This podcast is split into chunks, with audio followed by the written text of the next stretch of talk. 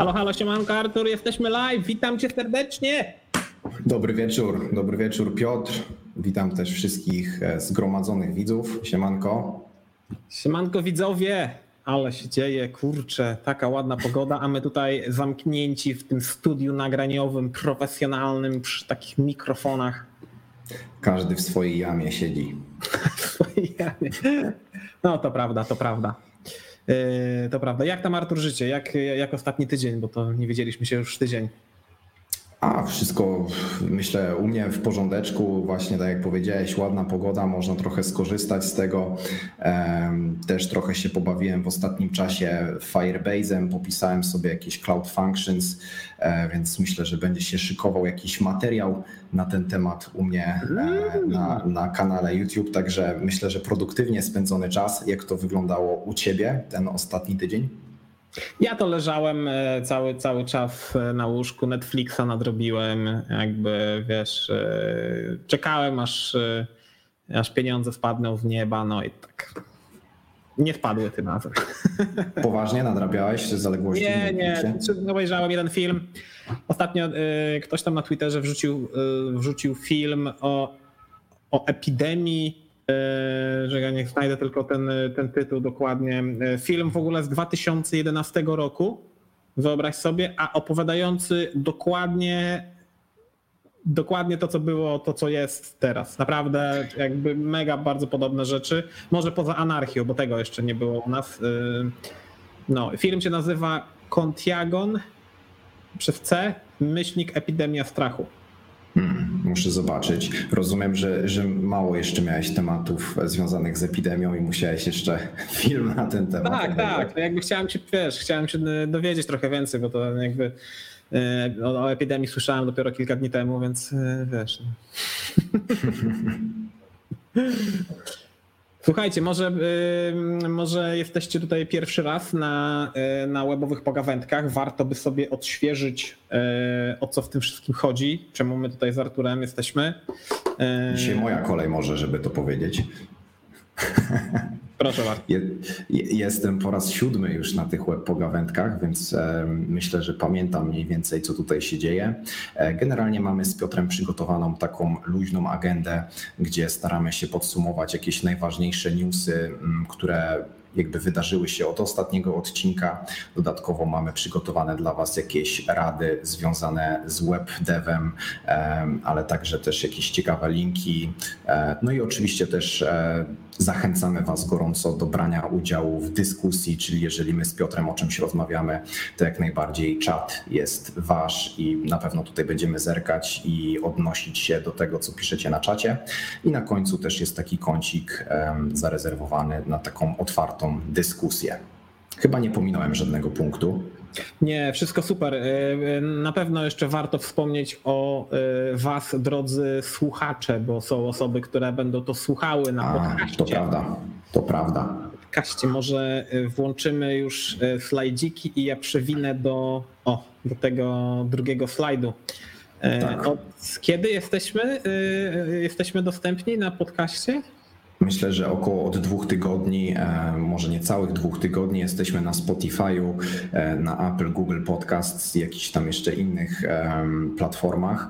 E, w każdym razie, jak chcecie nas wyszukać, to wpiszcie web pogawędki.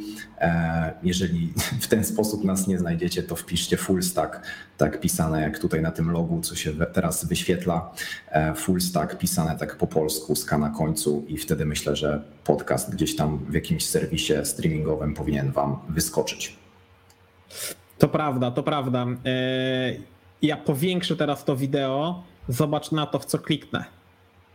Picture in picture. O tak. Mówiliśmy o tym e, ostatnio. Ten film można sobie powiększać. O, to w Chromie, ale to masz do tego wtyczkę, rozumiem, tak? Nie, nie nic nie To już w Chromie, w Chromie to dodali W Chromie, teraz. w Chromie w wersji żeby cię nie skłamać, jaka tu jest wersja 8.1. Hmm. Muszę 8, zaktualizować 1. swojego Brave'a i też e, się chwalić takimi feature'ami. No, jakby fajny feature, bo zobacz, możemy, yy, możemy mieć taki film gdzieś w rogu, na przykład na numerku mhm. strony i przywijać slajdy i lecieć z tematem, nie? Piękne, podoba mi się to bardzo. I przeszliśmy gładko do kolejnego tematu, którym jest Windows Terminal. E, coś ostatnio często przewija się u nas temat Microsoftu, co? Prawie takie Microsoftowe pogawędki się robią ostatnio.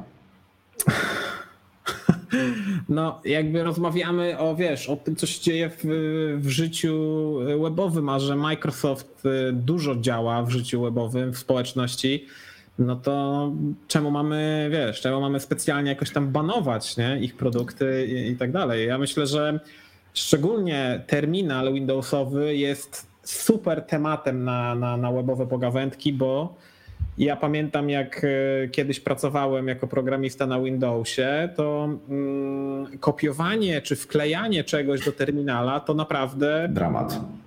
No, jak, jak ktoś za pierwszym razem uda się komuś skopiować i wkleić jakiś tekst, no to szapoba, naprawdę szapoba.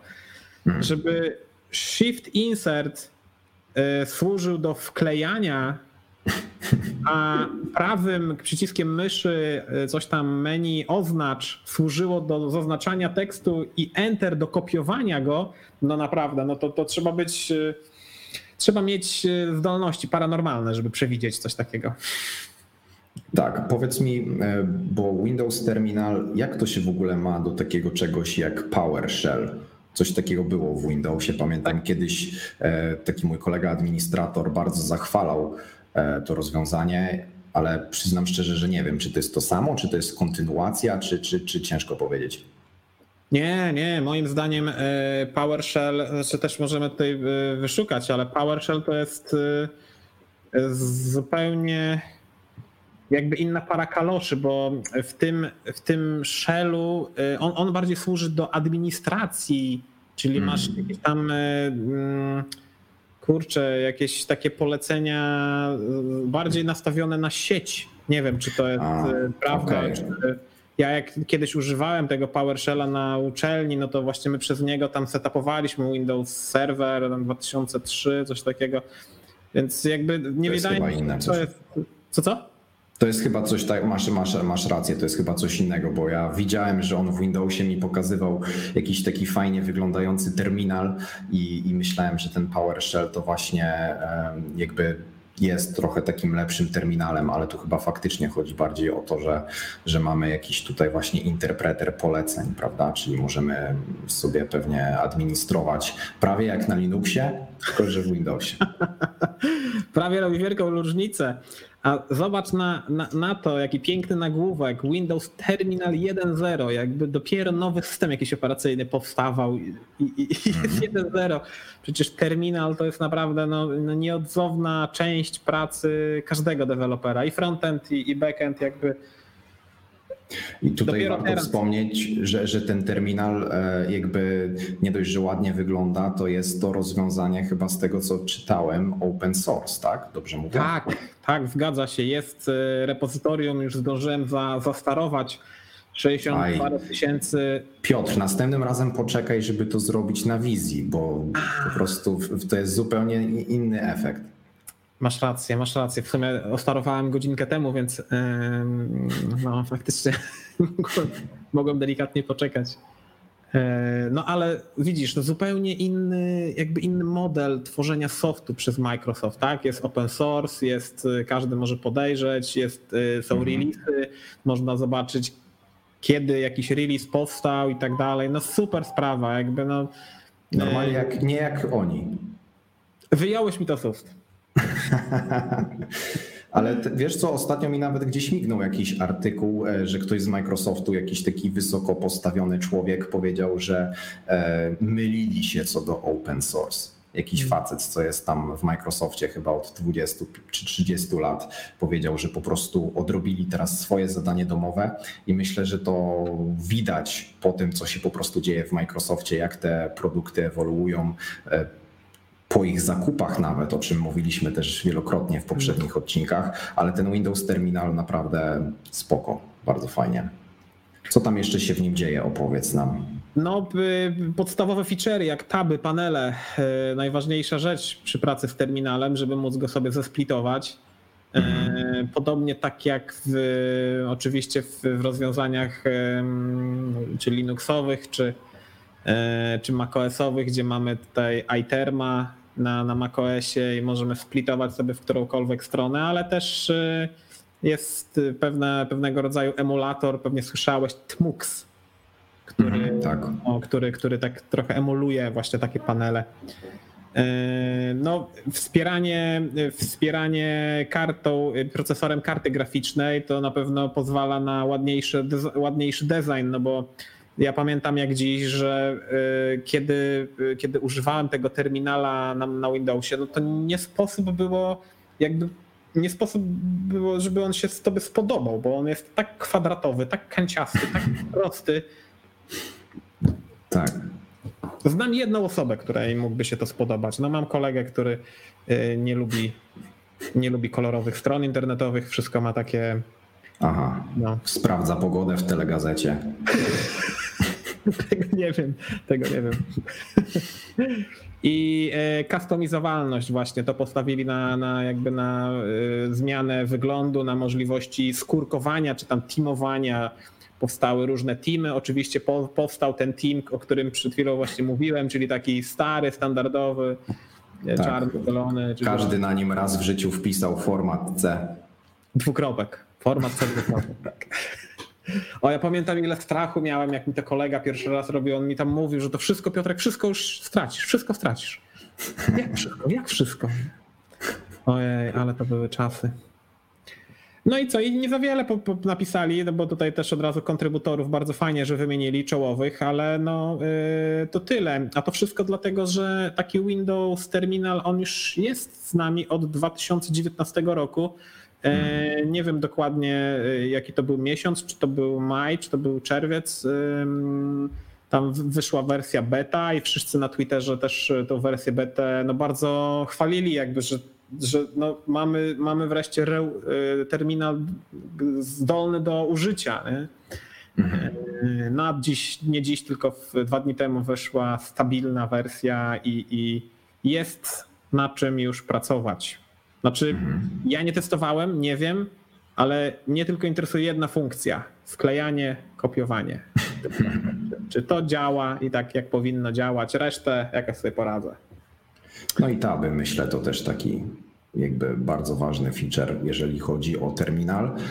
Też myślę, że warto wspomnieć, co Microsoft ostatnio dokonał, jeżeli chodzi właśnie o open source, bo też będzie chyba dzisiaj kolejny slajd o to zahaczał, ale no przede wszystkim no kupno tego GitHuba, jakby sportowanie Ubuntu do Windows 10, że można korzystać z Ubuntu jakby wewnątrz Windowsa.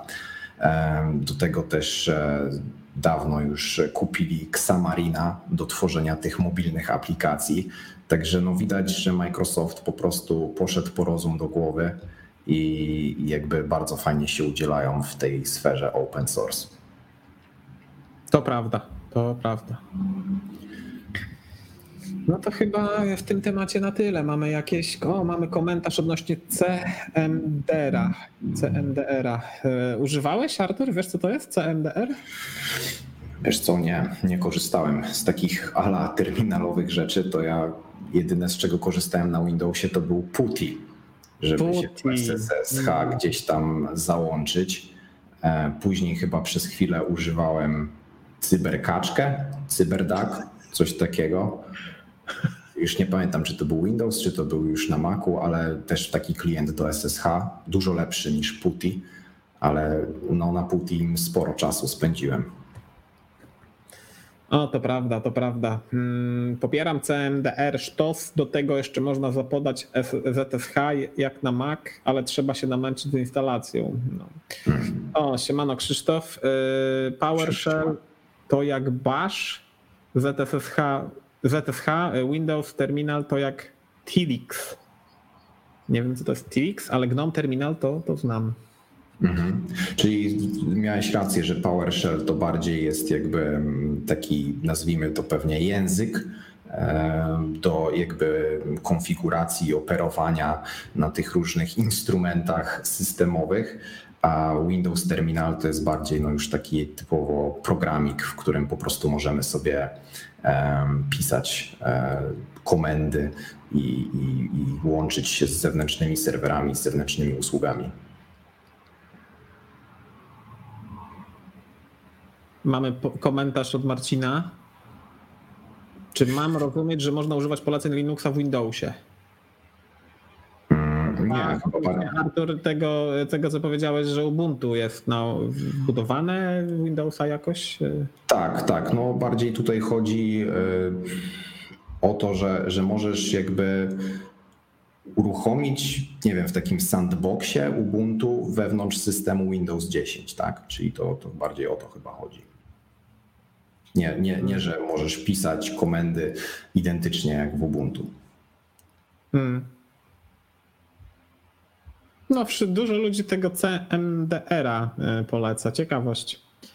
Ja gdzieś chyba kiedyś widziałem, ale nie, nie, dawno na Windowsie, dawno na Windowsie pracowałem. Pamiętasz, Artur, ile lat pracowałeś na Windowsie? Bo chyba pracowałeś. Hmm, jako deweloper? No to takie moje wczesne, takie myślę, że, że może z dwa lata pracowałem, może krócej nawet. Na, na, A na jaki to był system wtedy? E, to był system, czekaj, żeby teraz nie skłamać, dziesiątka. Nie, nie, nie, nie dziesiątka, kurczę, co ja gadam? Siódemka, o, siódemka.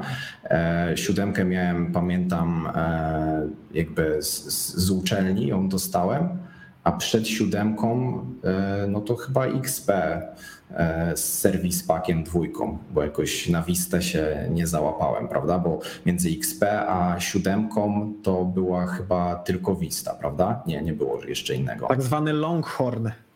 Taka tak, nazwa tak. była. Ach, ja pamiętam. No to prawda. Ja też na siódemce pracowałem właśnie jako deweloper. Choć wydaje mi się, że, że jeszcze gdzieś tam po drodze e, pojawił się XPEC, e, że przed oczywiście siódemką pojawił się XPEC, ale tą siódemkę bardzo wspominam dobrze, bo moja maszyna wtedy no, nie była demonem prędkości, a na siódemce jakby szybciej mi się korzystało, szybciej uruchamiały się programy i nie wiem jak to możliwe, czy to, czy to jest możliwe, może ja miałem takie złudzenie, może chciałem, żeby się szybciej uruchamiać, nie wiem. Siódemka była chyba pierwszym udanym Windowsem tak naprawdę, bo przynajmniej mi się dobrze pracowało na tym systemie. No. Nie miałem z nim jakichś takich większych problemów, a jednak wcześniej, jak na przykład pamiętam, mój ojciec miał Vistę, no to, to, to, to był mm. dramat. Nie? Te drivery, z tego co pamiętam, do Visty, jakby to totalnie była jakaś pomyłka. Tak. Przejdźmy dalej. E, w takim razie React Native for macOS. Tak, to jest bardzo fajny news. Wydaje mi się, e, że jest to znakomita wiadomość, że Microsoft wziął jakby pod swoje skrzydła e, tworzenie mm, jakby wsparcia pełnego dla React Native na macOSie, co jest w zasadzie trochę śmieszne, bo wydawałoby się, że Apple powinno jakby e, bardziej zależeć na zrobieniu czegoś takiego. Natomiast okazuje się, że e, Microsoft bardzo mocno w to poszedł. Moja hipoteza jest taka, że po prostu chcą swoje produkty dostarczać po prostu na macOSa z użyciem React Native, czyli może jakieś tam właśnie programiki związane z Office'em i tak dalej. Zobaczymy. E, no i też bardzo cieszy obsługa mm, jakby React Native e, na na platformie e, Windowsowej. Tutaj, jak widzimy, dodali jakieś właśnie natywne mm, moduły, które pozwalają korzystać z kamerki, z async storage, e, z właśnie z informacji o netinfo, e, więc moim zdaniem jest to bardzo dobra wiadomość dla React Native, że będzie można korzystać z tego ekosystemu nie tylko jeżeli chodzi o mobilne aplikacje, ale także te desktopowe. No i jest to też trochę taka zła wiadomość dla Elektrona, który jakby do tej pory wydaje mi się był takim pierwszym narzędziem do wyboru, jeżeli chodzi o tworzenie okienkowych aplikacji na Windowsa i na macOS z użyciem JavaScriptu a teraz jednak wydaje mi się, że, że e, będzie ciężko rywalizować z tym rozpędzonym czołgiem, jakim jest React Native teraz. Hmm, szkoda, bo ja kilka aplikacji w Elektronie napisałem, znaczy z użyciem Elektrona oczywiście. I, I, jeszcze kiedyś, nawet przed Elektronem, było coś, co się nazywa Node, Web, Node WebKit. Node WebKit. I, I z użyciem Node WebKita stworzyłem aplikację takiego swojego Photoshopa na, jako projekt e, uczelniany na, na uczelnię, żeby tam zaliczyć jakieś tam grafiki, jakiś przedmiot graficzny, graficzny.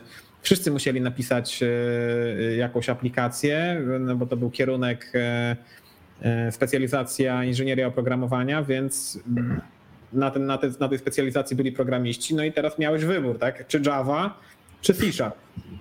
Ja mówię. To wybrałeś JavaScript. Ani to, ani to. I wziąłem JS właśnie.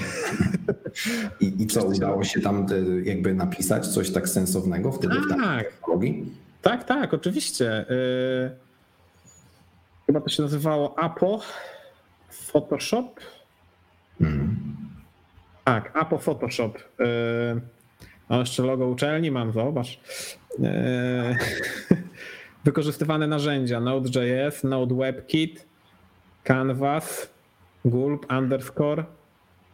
No i, i, takie, takie rzeczy jak operacja odwrotności, operacja rozciągania, regulacja jasności kontrastem. No, takie ładnie, No. Super. I to jest działało to na jakim systemie? Na Windowsie to działało, czy, czy sprawdzałeś też na, na jakichś innych systemach? Na każdym. Hmm bo Node WebKit generował takiego nie bandla, tylko y, no takie trzy bandle. Binarki. Trzy binarki, właśnie, trzy binarki, że, że był na, y, na Windowsa, był z, na Linuxa i był ten app na macOSa, y, ten taki, ten, ten, ten package. Więc ja tylko tworzyłem kod, tam uruchamiałem Node WebKit, czy tam build i ciach. I, i, I on tam ściągał oczywiście tysiące zależności, to trochę ważyło, e, ale koniec końców, mm, wiesz, mogłem pisać, właśnie, bo to też był warunek na, na uczelni, że to musiało na Windowsie działać. No i, i, i, no i dlatego ten dot, nie dotnet, tylko C-Sharp. C-Sharp. Dotnet, no coś takiego. No to, to właśnie to było jedno z dwóch, jeden z dwóch języków, który był rekomendowany. A ja z użyciem JS-a wygenerowałem exe i proszę bardzo, i, i piąteczka. I później mój projekt jeszcze był pokazywany do, dla kursantów kolejnego roku, żeby brali przykład. O, Także, no widzisz. Takie chwalonko. Dobra. Bardzo fajnie. Czy mamy komentarze? Mamy od Tomka.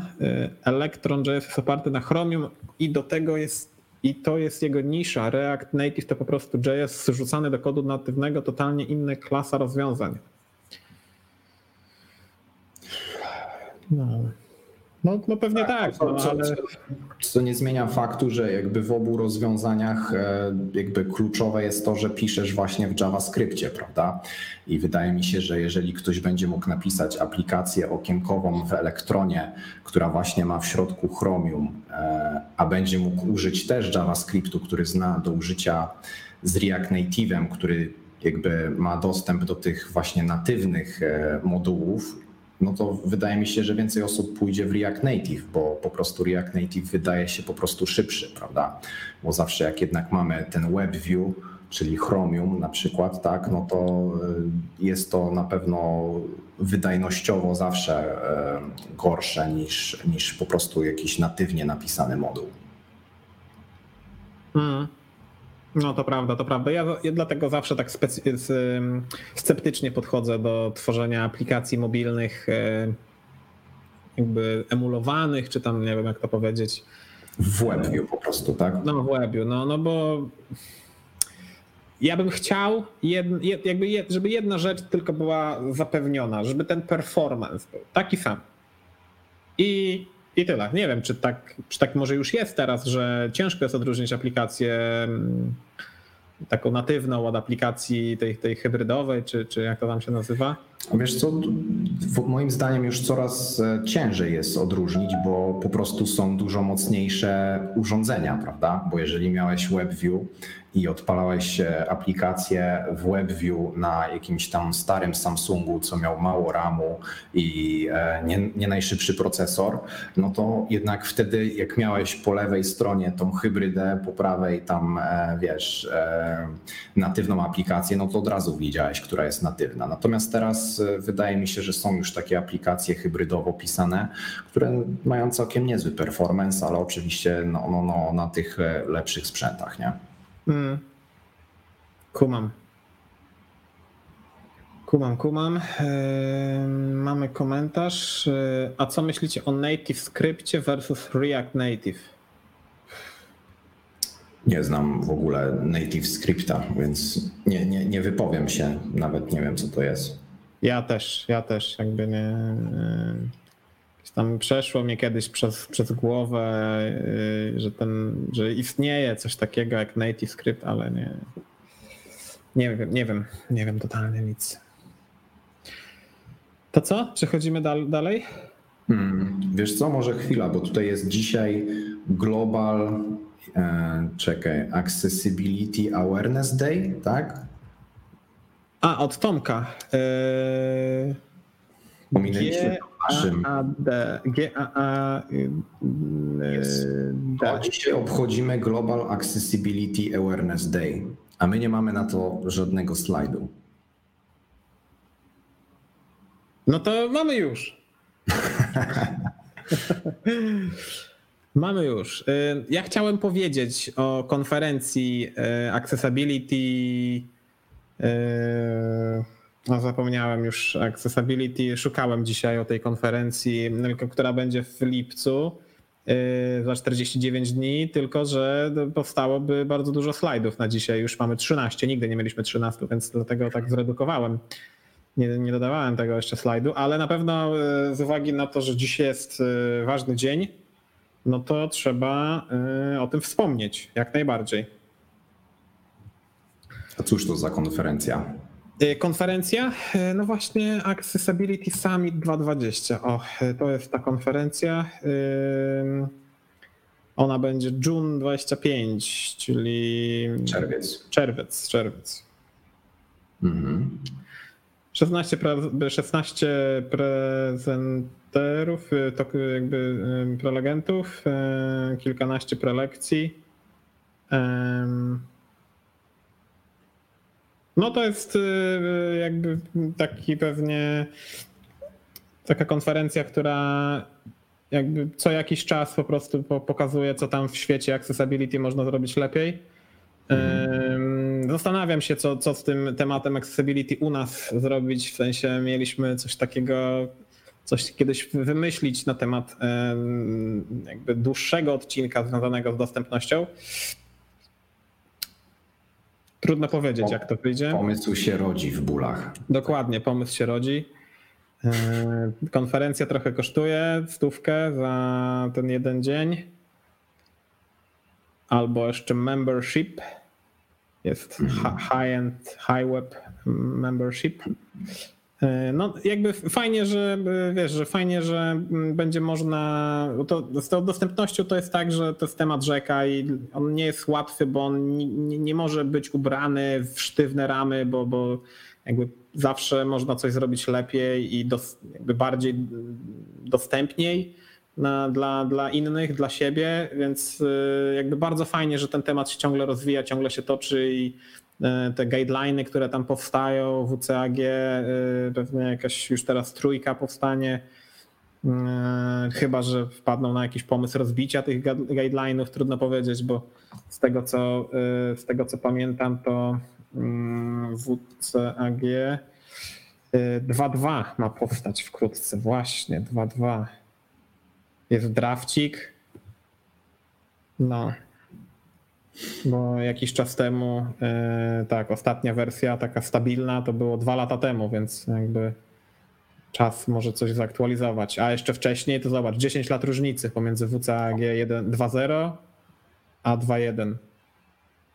10 lat różnicy, nie? także ten temat e, fajnie, że teraz nabiera tempa. Mi się to bardzo podoba i e, ja bardzo dbam o to, żeby ten, ten, ten, ten aplikacje, które wytwarzam, jakby były dostępne przynajmniej na pewno dla mnie, dla osoby, która ma słabe, słaby wzrok, więc y, często sobie powiększam. Zresztą ta, ta strona chyba też jest powiększona troszeczkę. E, Też korzystam z tego No. często. Trzeba sobie trochę radzić. Pamiętam, jak e, kiedyś byłem u okulisty, u pani o- okulisty i powiedziała, że y, panu okulary są niepotrzebne. Pan się nauczy powiększać tekst na komputerze w Excelu. Ja mówię, ale ja jestem programistą, no to właśnie, właśnie w Excelu, proszę bardzo. No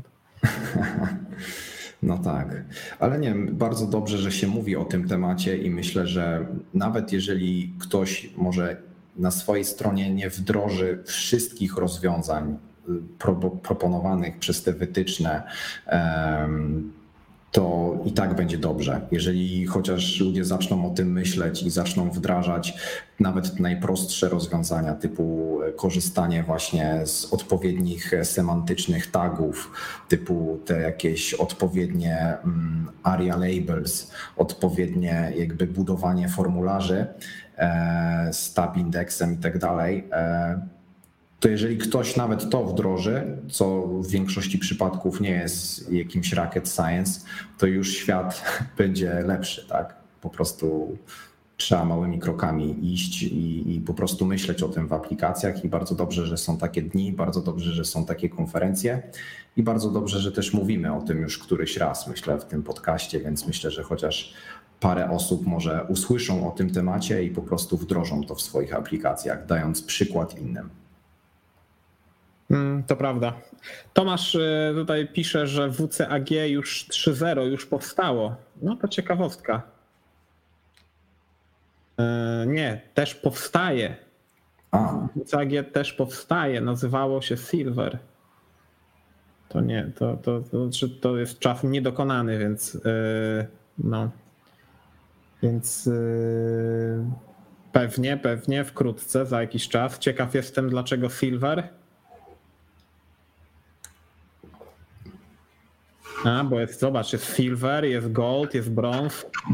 Będzie teraz e, zamiast wersji level A, level AA i tak dalej, to będzie, będą medale. Czyli żeby spełnić jakąś taką dostępną stronę, no to trzeba być przynajmniej brązem. No, ciekawy pomysł jakby.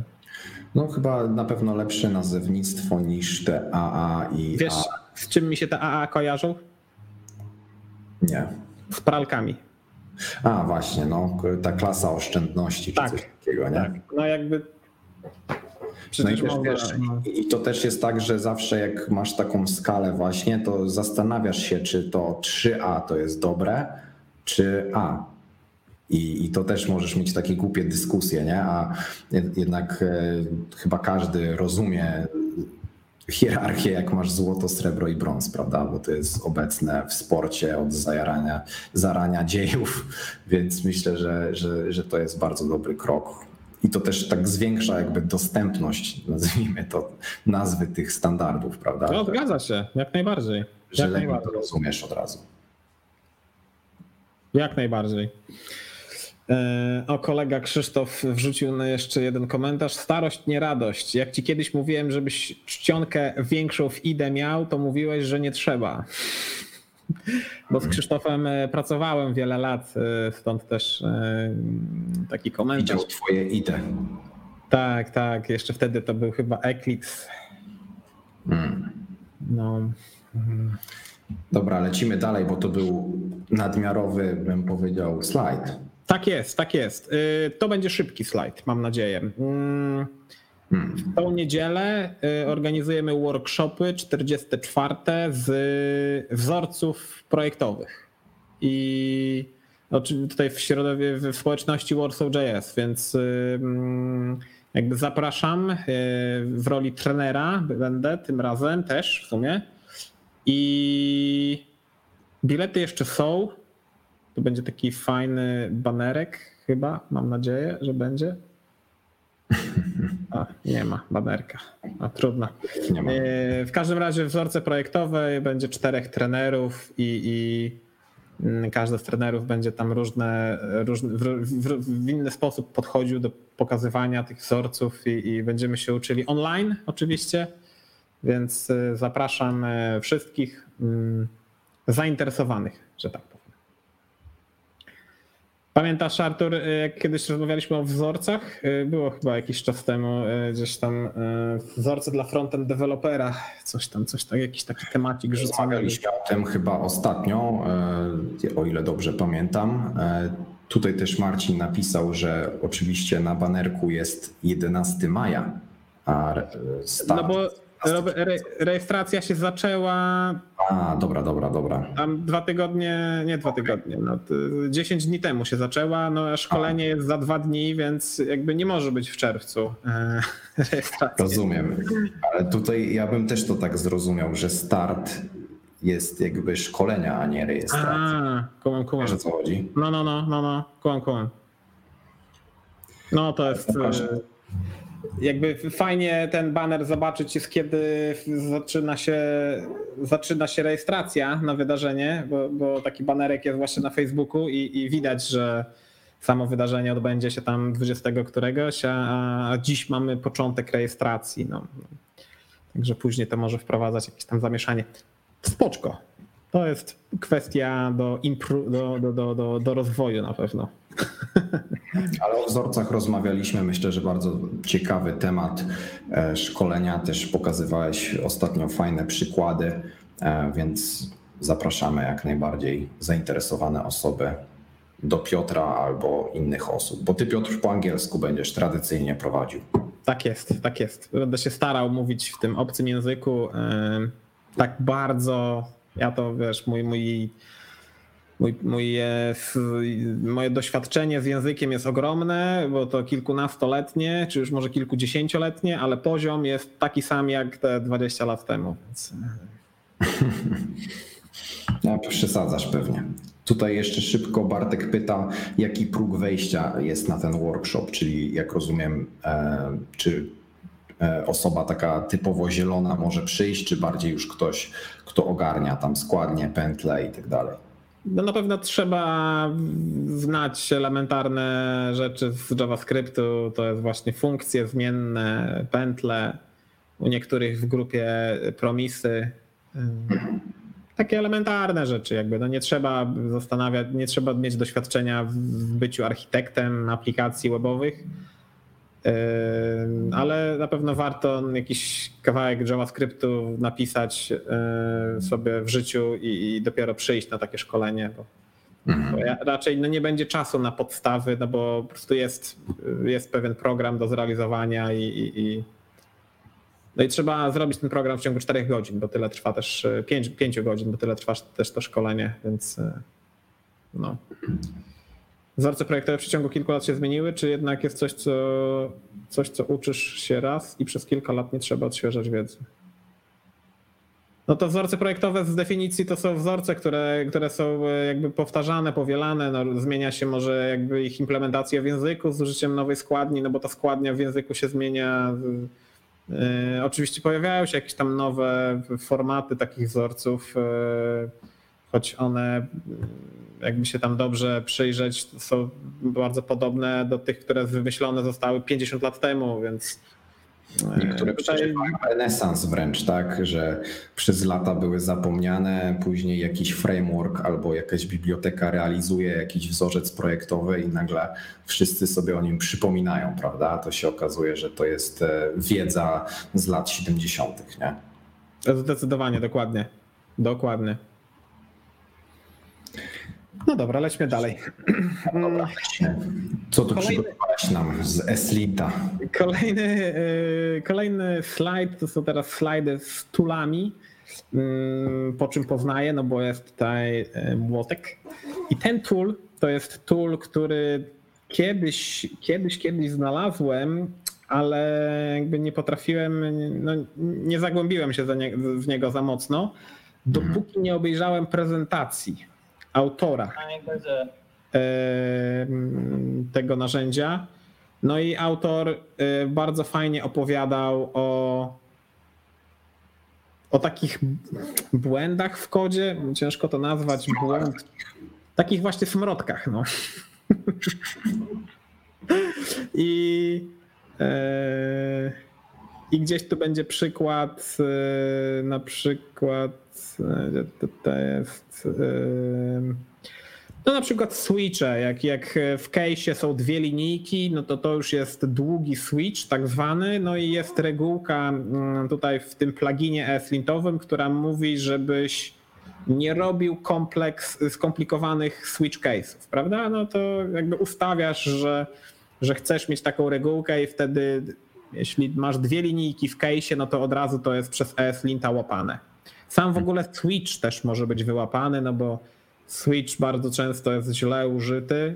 Yy, stąd też powstała taka regułka.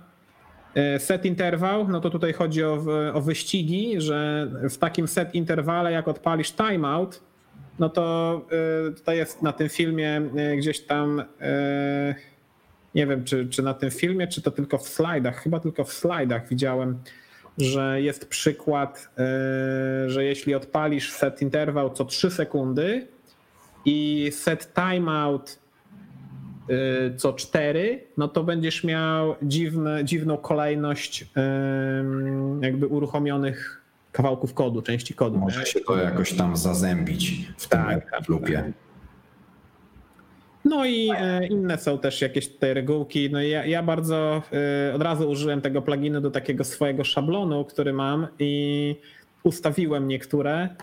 E, no na pewno wszelkie kompleksy, tutaj ten kompleks switch case i kompleks chaining to są rzeczy, które no, na które trzeba zwracać uwagę. No, często z jakiegoś takiego przyzwyczajenia, z wygody używamy switcha, który się później rozrasta i później utrzymać takiego switcha jest trudno. Napisać testy to już w ogóle.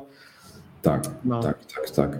No to jest świetna robota po prostu, jakie te lintery potrafią za nas wykonać, nie? Czyli po prostu raz możesz skonfigurować e, linter, na przykład e, właśnie w, w, na danym projekcie albo w, nawet w danej firmie i później po prostu od tego odcinasz kupony, prawda? Bo jakby tracisz mniej czasu na jakieś niepotrzebne dyskusje, że komuś mówisz, dlaczego tak nie piszemy i tak dalej, bo po prostu linter to wyłapuje, tak? I dyskusja jest krótka. I jeżeli ktoś chce złamać zasadę lintera, to musi mieć naprawdę ku temu dobry powód, i wtedy tak naprawdę może się rozpocząć dyskusja. To prawda, to, to prawda, zdecydowanie. Więc e, jeśli drogi słuchaczu, drogi widzu, widzko, jeśli pracujesz w zespole złożonym z minimum jednej osoby, a minimum dwie może, to linter i formater to są rzeczy, które warto sobie skonfigurować, żeby nie tracić czasu na rozmowy dotyczące spacji po function, po ifie, czy lety, czy kąty, czy średniki, tak. Szkoda na to czasu. Ja pamiętam swego e, swego czasu właśnie jak to musiałem, e, no jak to traciłem ten czas i, i znajdowałem jakieś takie odstępstwa od e, norm mm, w kodzie zespołu, w którym pracowałem kiedyś, no i bardzo się, wiesz, wkurzałem, że no czemu tutaj nie napisałeś tej spacji, albo czemu ją napisałeś, mamy inne zasady, no i to tak powtarzało się, powtarzało się i pluję sobie teraz w brodę, że nie skonfigurowaliśmy wtedy jakiegoś ESLinta, dorzucić jakiś continuous integration, żeby to tam w pull requestach wyświetlały się błędy i tak, tak, tak, tak. Albo jakieś zasady, właśnie to, co wcześniej rozmawialiśmy, na przykład, że przed e, pushem lokalnie ci jest e, odpalany linter i wtedy od razu wiesz, że, że, że coś poszło nie tak. I ja nawet namawiam, że nawet jeżeli ktoś nie pracuje w zespole, nawet jeżeli ktoś pracuje sam nad jakimiś edukacy, edukacyjnymi projektami, to też zalecam odpalać e, linter, bo po prostu bardzo dużo możecie się nauczyć e, z linterów. Są na przykład lintery specjalne pod daną technologię, na przykład do Reacta, które wręcz ci podpowiadają jakieś best practices, które są w stanie ci wyłapać jakieś na przykład właśnie smrodki związane z React Hooks i dzięki temu poprawiając te błędy można się naprawdę bardzo dużo nauczyć i po prostu pisać lepszy kod i im szybciej zaczniecie to robić, wyrabiacie sobie taką pamięć mięśniową i później po prostu jest wam łatwiej. Dlatego myślę, że nie ma co się zastanawiać nad używaniem Lintera. To prawda, to prawda. Eee, kolejny temacik. Łatwy i przyjemny. Tak. Łatwy, łatwy i przyjemny temacik. E, wrzuciłem tutaj e, Wam link do takiego tula. E, nazywa się Animista. Jest to taka, taki programik webowy, w którym możecie sobie wygenerować różnego rodzaju animacje w CSS-ie. I o tyle jest to fajne, e, że mm, tak naprawdę często zauważyłem ludzie, jak chcą zrobić animację jakąś, to albo bardzo dużo czasu tracą na to, pisząc to samemu, albo zaprzęgają do pracy jakieś nie wiadomo jakie e, zewnętrzne biblioteki, podczas gdy chcą właśnie zrobić jakiegoś shake'a albo chcą zrobić jakiś efekt chowania czegoś, który jakby pasuje do kontekstu aplikacji. I tutaj właśnie w tej aplikacji możecie sobie sobie wygenerować różne efekty. I tutaj z prawej strony, jak chcesz już zakończysz pracę, obok serduszka, masz tutaj klamrę, która ci pozwala po prostu zaciągnąć gotowy fragment. Um, CSS-a, który po prostu wrzucasz do swojego projektu. Czyli tak naprawdę e, macie fajne narzędzie, które jest bezpłatne, które używacie go w oknie przeglądarki e, i dodajecie tą animację do swojego projektu bez żadnych jakichś dodatkowych zależności. Także myślę, że w wielu takich przypadkach e, bardzo fajne narzędzie. Super. Bardzo mi się to podoba. Hmm. Bouncik. Ale to jest taki bajerek, to jest taki bajerek. O, baton. Tak, no znaczy może te bouncy i te shake'i, no to są jakby potrzebne w takich rzadkich sytuacjach, na przykład jak dodajesz coś do koszyka, to fajnie na przykład ikonkę z koszykiem w ten sposób e, zrobić, ale na przykład już te efekty u góry masz dotyczące tekstu albo exits, jakby mm. entrance, to są już naprawdę takie całkiem, całkiem niezłe efekty, do których często ludzie stosują zewnętrzne biblioteki, a można skorzystać z CSS-a e, wersja trzecia, tak? I, i, i po prostu e, jest to bardzo jakby wy, dobra jest wydajność tych rozwiązań, tak? Bo naprawdę bardzo dobrze przyglądarki i urządzenia sobie radzą z animacjami, które wynikają z CSS trójki, więc myślę, że możecie się pobawić tak jak Piotr teraz.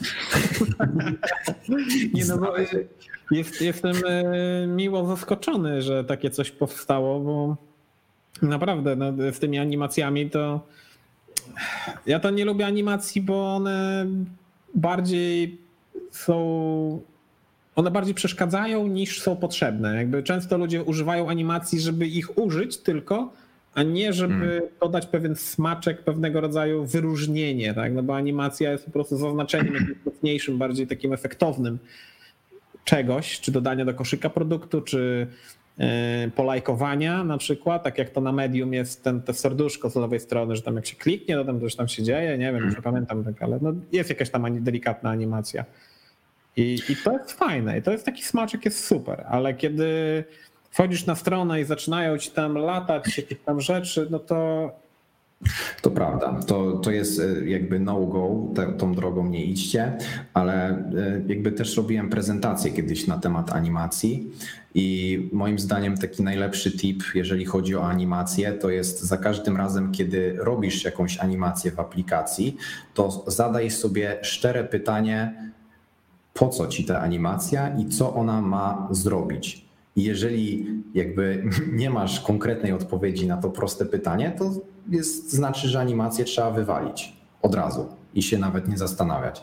Natomiast właśnie wszelkie mm, jakby akcje typu wrzucenie czegoś do koszyka, albo też wydaje mi się, duże ma to znaczenie w takich aplikacjach czy web aplikacjach, które często są używane na telefonie, że jednak na telefonie często jak coś tapniesz, to spodziewasz się, że ta aplikacja da ci feedback.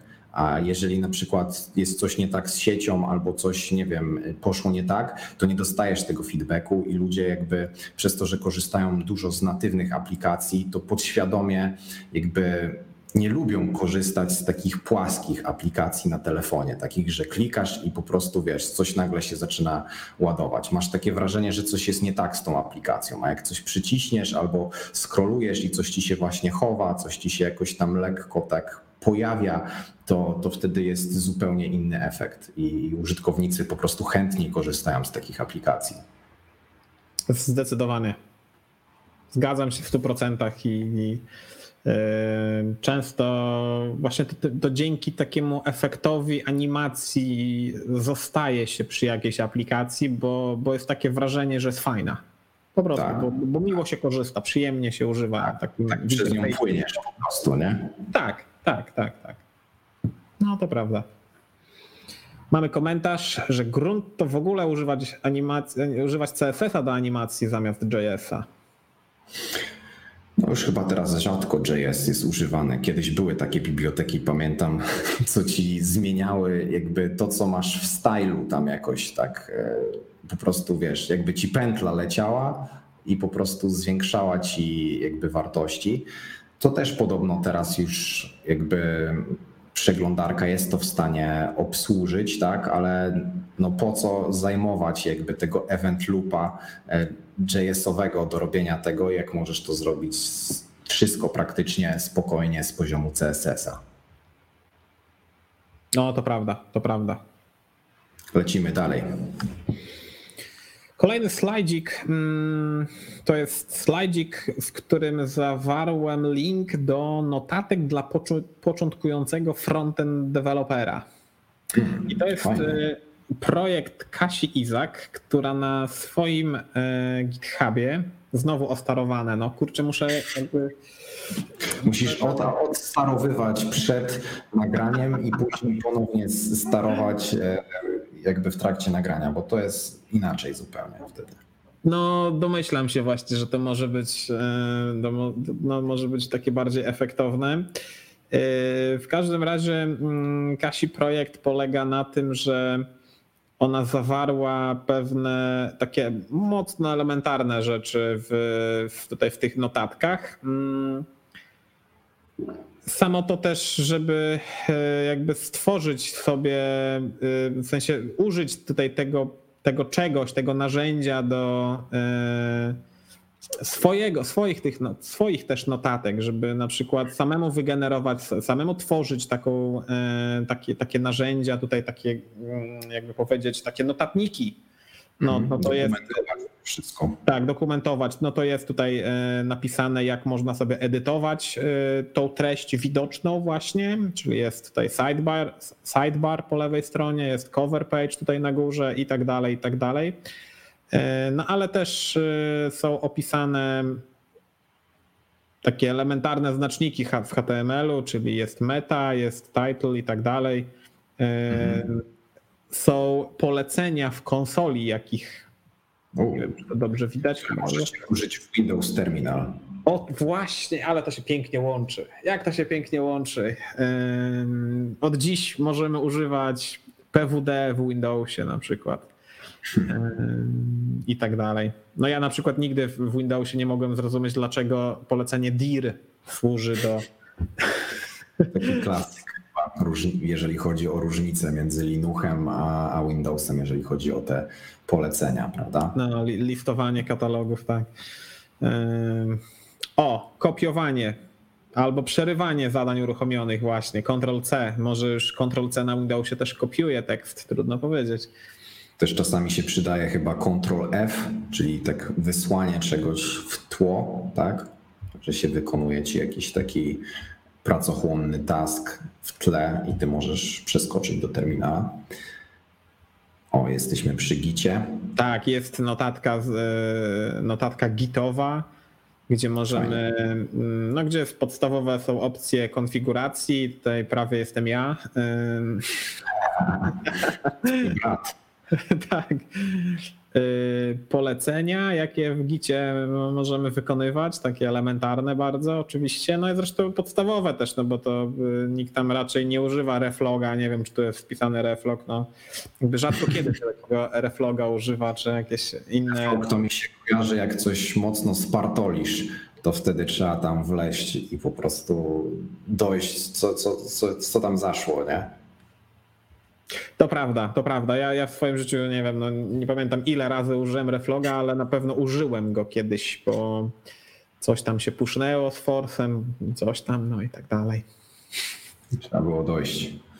Nie, ale takie notatki, bardzo fajny pomysł. E, też myślę, że to wiadomo, każdy ma różne formy nauki, ale na przykład ja mam tak, że lubię sobie coś czasami zanotować albo zapisać, bo wtedy to jakby ubieram we własne słowa i przy okazji się łapię czasami na czymś, czego jakby piszę, a sam nie rozumiem, tak? I wtedy e, jest dodatkowy bodziec, żeby coś doczytać, żeby coś e, lepiej wyjaśnić, więc myślę, że to jest bardzo dobra metoda nauki.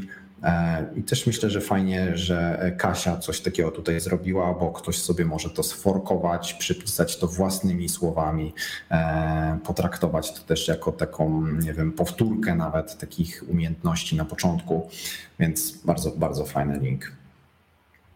I teraz na żywo klikam super. O, dobra. Jest, jest na żywo.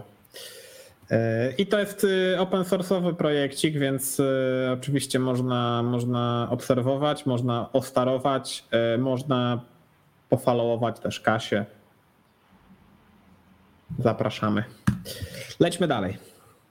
Tak, tutaj wrzuciłem e, link do takiego artykułu ponieważ e, jeżeli ktoś pisze automatyczne testy, na przykład z użyciem Jesta e, i React Testing Library, to dość częstym przypadkiem jest to, że trzeba czasami zamokować jakieś zapytanie do API.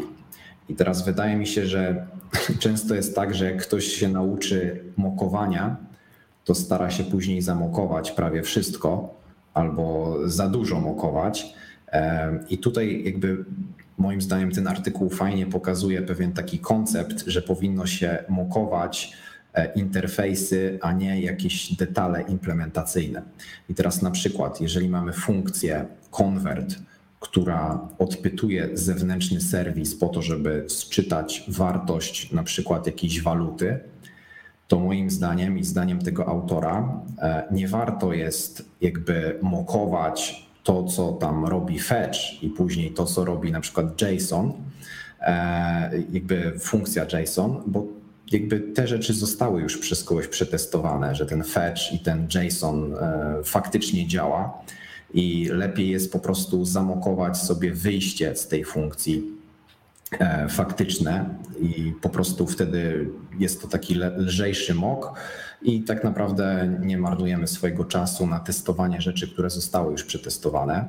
E, jeżeli ktoś mnie słucha teraz, kto widział mój mini kurs o Jeście na, na moim kanale na YouTubie, to ja tam e, zamokowałem fetcha, ale zamokowałem fetcha jakby po to, żeby jakby pokazać na czym działa, jakby jak działa mock, prawda? Że mamy jakąś funkcję i możemy podstawić pod nią e, wynik, więc nie wieszajcie psów na mnie, że zrobiłem coś, o czym teraz sam mówię, e, ale często tak jest, że jakby e, tłumacząc coś, czasami się daje taki głupi przykład po to, żeby właśnie lepiej móc wytłumaczyć kwintesencję czym na przykład jest mokowanie, bo tutaj już widzę, że Marcin i Dępisz zapytali, co to jest mokowanie. Generalnie chodzi o to, że jak piszesz testy kodu swojego, to często masz sytuacje takie, że jakby kod, który testujesz, e, łączy się z jakimś zewnętrznym kodem albo z zewnętrzną usługą, i chcesz to zamokować po to, że na przykład w danym momencie nie chcesz testować tego fragmentu e, kodu albo nie chcesz łączyć się z tą usługą. I tutaj takim częstym przypadkiem jest obsługa płatności i jakby w momencie, gdy testujesz obsługę płatności, no to ciężko jest, żebyś za każdym razem, jak odpalasz kod, żeby ci pieniądze z karty kredytowej schodziły, więc wtedy ten fragment odpowiedzialny za jakby zcharge'owanie tej twojej karty kredytowej mokujesz, czyli podstawiasz taką atrapę, która się zachowuje w odpowiedni sposób w zależności jak ci to jest potrzebne w kodzie. Nie wiem, czy Piotr zrozumiałbyś, gdybym ci tak e, tłumaczył, czy może coś Pięknie tak... Nie wytłumaczyłeś, jakby ja bym nic nie dodał, nic nie odjął, e, totalnie, dokładnie Tak, A jak, jak, jakie masz podejście do mokowania? Zgadzasz się z tym statementem, żeby jakby mokować właśnie interfejsy, a nie detale takie internalsy? No naturalnie, naturalnie jakby, ale to, bo to też y, wiesz, wymusza na tobie y, tworzenie takiego interfejsu, bo, bo często jest tak, że mamy długie funkcje albo zamknięte, w sensie prywatne funkcje, no i teraz y, często jest tak, że no nie możesz sobie zamokować czegoś, no bo to jest prywatną funkcją w jakimś jakimś elemencie jest to zbite, jakby jest, wiesz, y, jest połączone ze sobą, no i to widać, że coś jest nie tak, no bo nie możesz dobrze stworzyć moka do interfejsu. Trzeba to rozbić, trzeba tą długą funkcję rozbić, wydzielić kawałek kodu, który jest y, który sprawia problemy, albo który generuje zawsze randomowe wartości, który jest asynchroniczny, chociażby ten fetch, tak? Fetch musi być, fetch nie może być uruchamiany w testach, bo fetch jest funkcją asynchroniczną bazującą na sieci, na IO. Więc test jednostkowy a i fetch to są jakby łam, łamie, nie można używać fetcha w teście jednostkowym, ponieważ test jednostkowy ma kilka zasad. Musi być uruchomiony w izolowanym środowisku, nie może mieć zależności i musi się uruchamiać szybko. Szybko to jest oczywiście pojęcie względne, ale Wyobraźmy sobie wolne łącze. Dokładnie, najszybciej jak to możliwe, więc jak będzie wolne łącze internet, no to jakby po co mamy wykonywać kola do API? To, to trzeba, trzeba to zamokować, no jak najbardziej. No a takie mokowanie z samego czysto fetcha, no to też jest takie bardzo prymitywne, no bo ile razy tego fetcha będziemy odpalali w testach? No pewnie tak. jakby kilka razy trzeba tą funkcję, która używa wewnętrznie fetcha uruchomić, no i ta funkcja musi za każdym razem zwracać jakieś tam inne dane, tak? Testujemy na poprawny response, testujemy na niepoprawny response, na jakiś zdeformowany i tak dalej. Więc to, to tak. samo mokowanie fetcha to, to, to, nic nie da. No to trzeba mokować poziom wyżej albo dwa. Mhm. I tu jeszcze dobrze, że wspomniałeś o tym mokowaniu różnych scenariuszy, bo tutaj o, Ferrari u ciebie pojechało teraz. Tak, tym razem to u mnie. No. E, tutaj mokowanie też e, przydaje się właśnie, tak jak powiedziałeś, e, czasami nawet do wymuszania jakichś błędów, prawda? Bo e, mamy na przykład jakąś funkcję i chcemy, żeby ona się zachowała w jakiś konkretny sposób, czyli na przykład, żeby ten fetch nam rzucił jakąś pięcetkę i wtedy chcemy przetestować, jak nasz kod e, się zachowuje.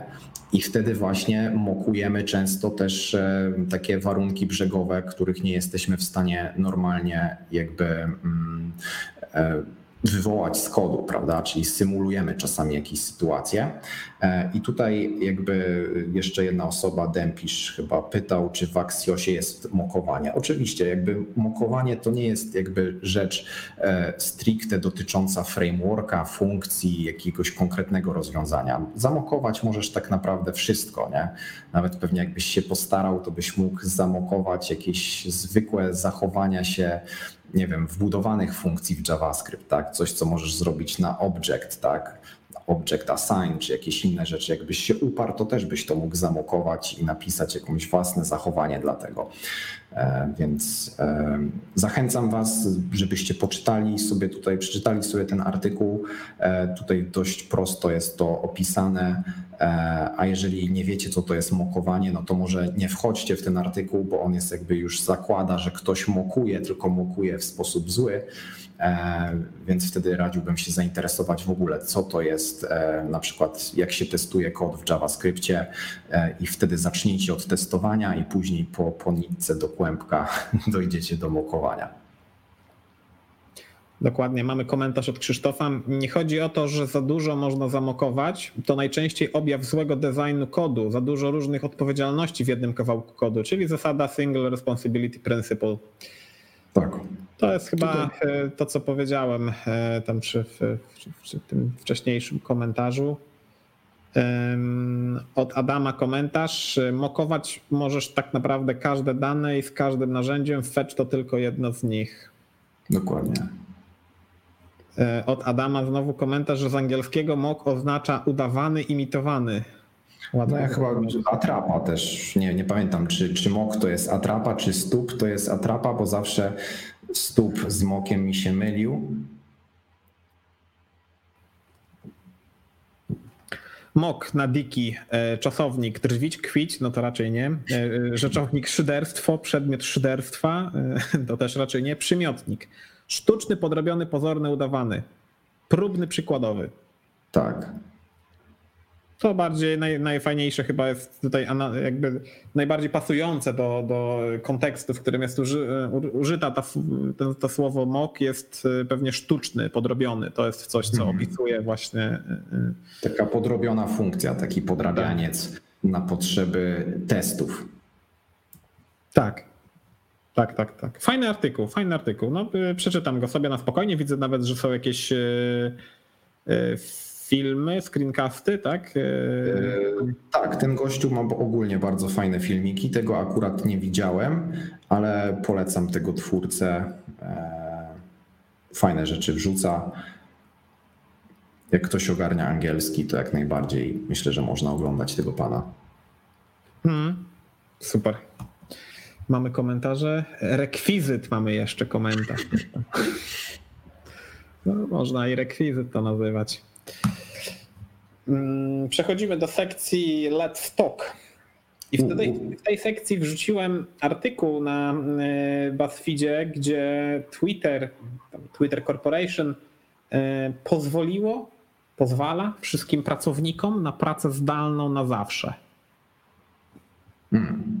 To, jest, ciekawe. to jest ciekawe. No? Jak, jak, świat, jak świat się zmienił przez, e, przez tą epidemię, że Mm, no, takie, tak, taka jakby nie zasada, tylko mm, taka możliwość zostaje wprowadzana w coraz to większej ilości firm i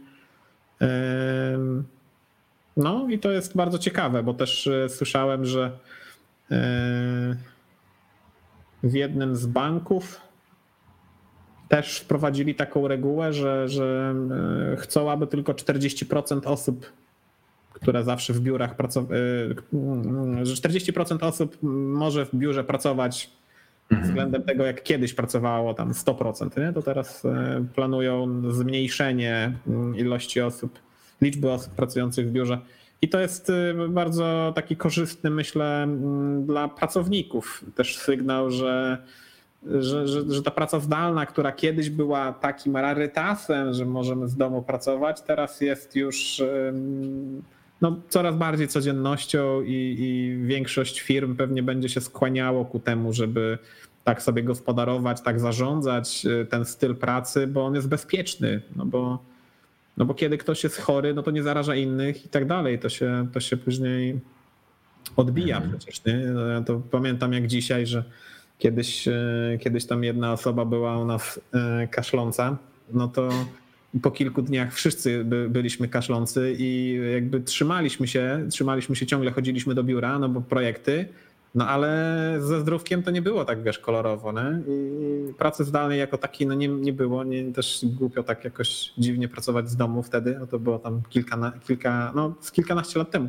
więc no, to, było, to było takie bardzo... Mm, no, ciekawe doświadczenie e, względem tego, że dziś no, jakby każdy może pracować zdalnie i e, firmy, duże korporacje mówią, przecież Microsoft też, Google powiedział, że do końca roku to samo, wszyscy mogą pracować zdalnie z domu, a co będzie później, no to nie wiadomo.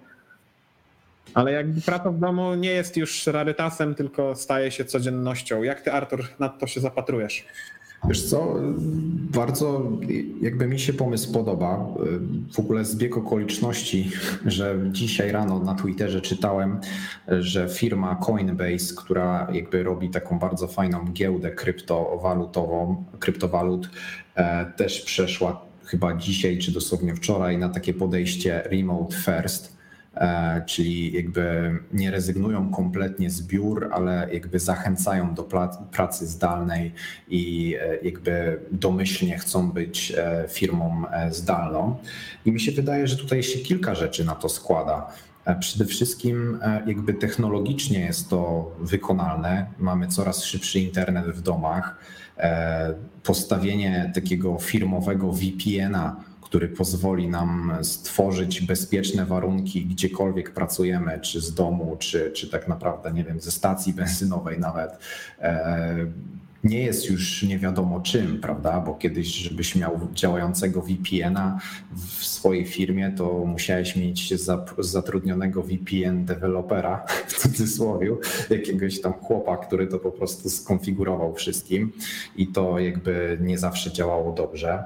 E, do tego myślę, że kwestia sprzętu. Przecież jeszcze kiedyś no to przychodziłeś do biura i miałeś stacjonarnego kompa i weź tu teraz pracuj z domu, wydeleguj specjalne miejsce na tego kompa. Później, jak ci się nagle zachce pracować z biura, to przewieź te wszystkie graty ze sobą. Teraz też już to nie jest w większości problem. Każdy prawie ma służbowego laptopa, który tak naprawdę jest mobilny, jest szybki i, i, da się z nim, jakby masz w nim głośniki, masz w nim mikrofon, kamerę i tak naprawdę jesteś w stanie pracować, gdzie siedzisz. E, więc tutaj wydaje mi się, że czynników jest bardzo dużo. Ja osobiście jakby preferuję bardzo pracę taką, nazwijmy to hybrydową, czyli e, cenię sobie bardzo to, że mogę przyjść do biura i po prostu raz w czas popracować z biura, ale na przykład jak jest jakiś dzień, że nie wiem, przychodzi kurde gazownia do domu, do mnie, tak, to nie muszę brać urlopu, żeby tam chłopa wpuścić z gazowni, tylko po prostu tego dnia pracuję z domu, nie muszę wziąć urlopu i, i jestem w stanie coś tam załatwić, prawda, więc to sobie bardzo, e, bardzo cenię.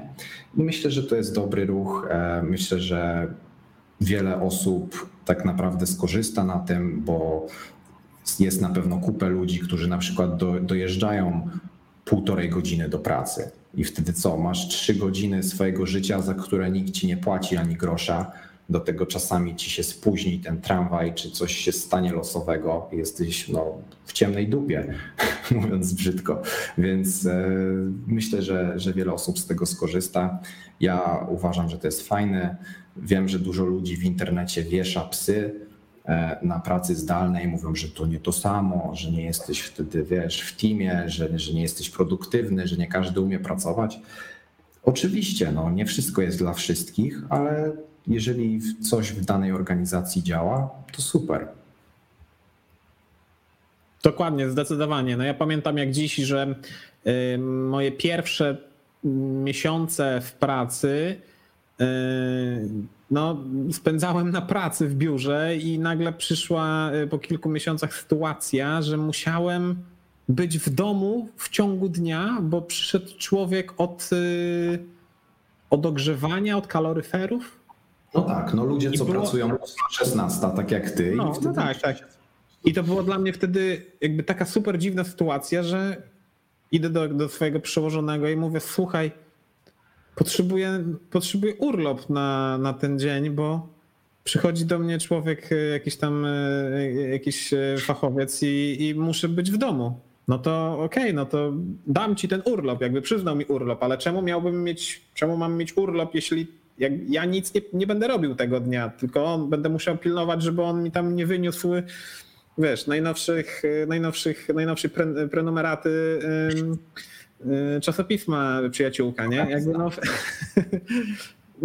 to było bardzo dziwne wtedy. Ja wtedy się dziwnie czułem, że, że jedynym rozwiązaniem, jakie wtedy wiedziałem, znałem, no to jest po prostu wzięcie urlopu na ten dzień.